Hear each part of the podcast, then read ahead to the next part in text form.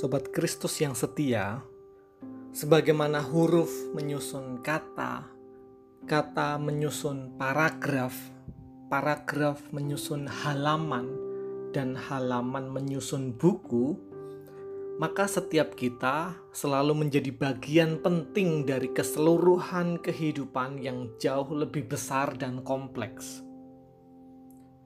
Ketika sebuah huruf hilang, kata pun menjadi timpang. Dan paragraf pun tidak akan tersusun dengan baik. Imbasnya, halaman dan buku pun menjadi tidak lagi utuh. Karena itu, setiap huruf sangatlah berharga. Rasul Paulus menegaskan keniscayaan tersebut dengan mengungkapkan secara tegas di dalam 1 Korintus 6 ayat 14. Tidak tahukah kamu bahwa tubuhmu adalah anggota Kristus? Lebih lanjut di dalam 1 Korintus pasal 12, Paulus mengetengahkan secara lebih rinci bahwa memang ada banyak anggota tetapi hanya satu tubuh. Ayat 11 dan 20. Jadi, mata tidak dapat berkata kepada tangan, "Aku tidak membutuhkan engkau."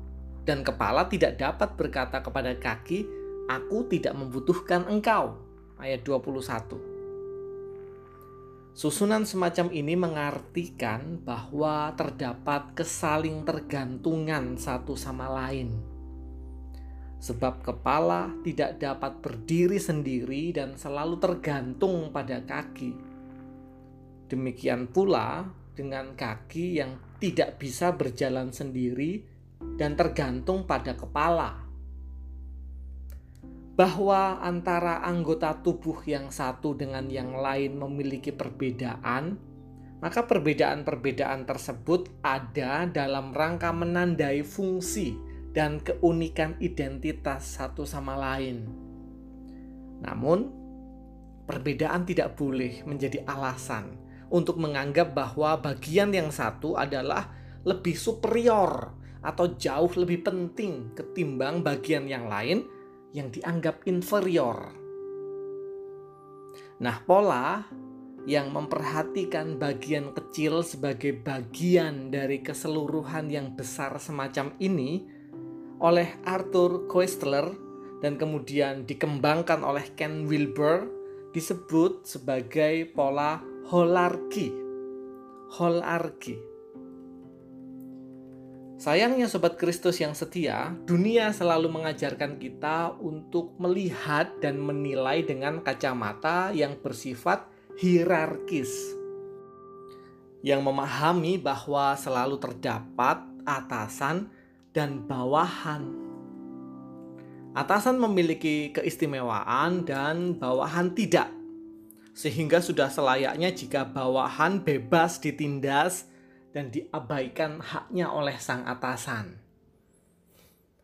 Pola hierarkis semacam ini dalam sejarah nyatanya memang menimbulkan konflik serta gagal menghadirkan harmonisasi dan sinkronisasi.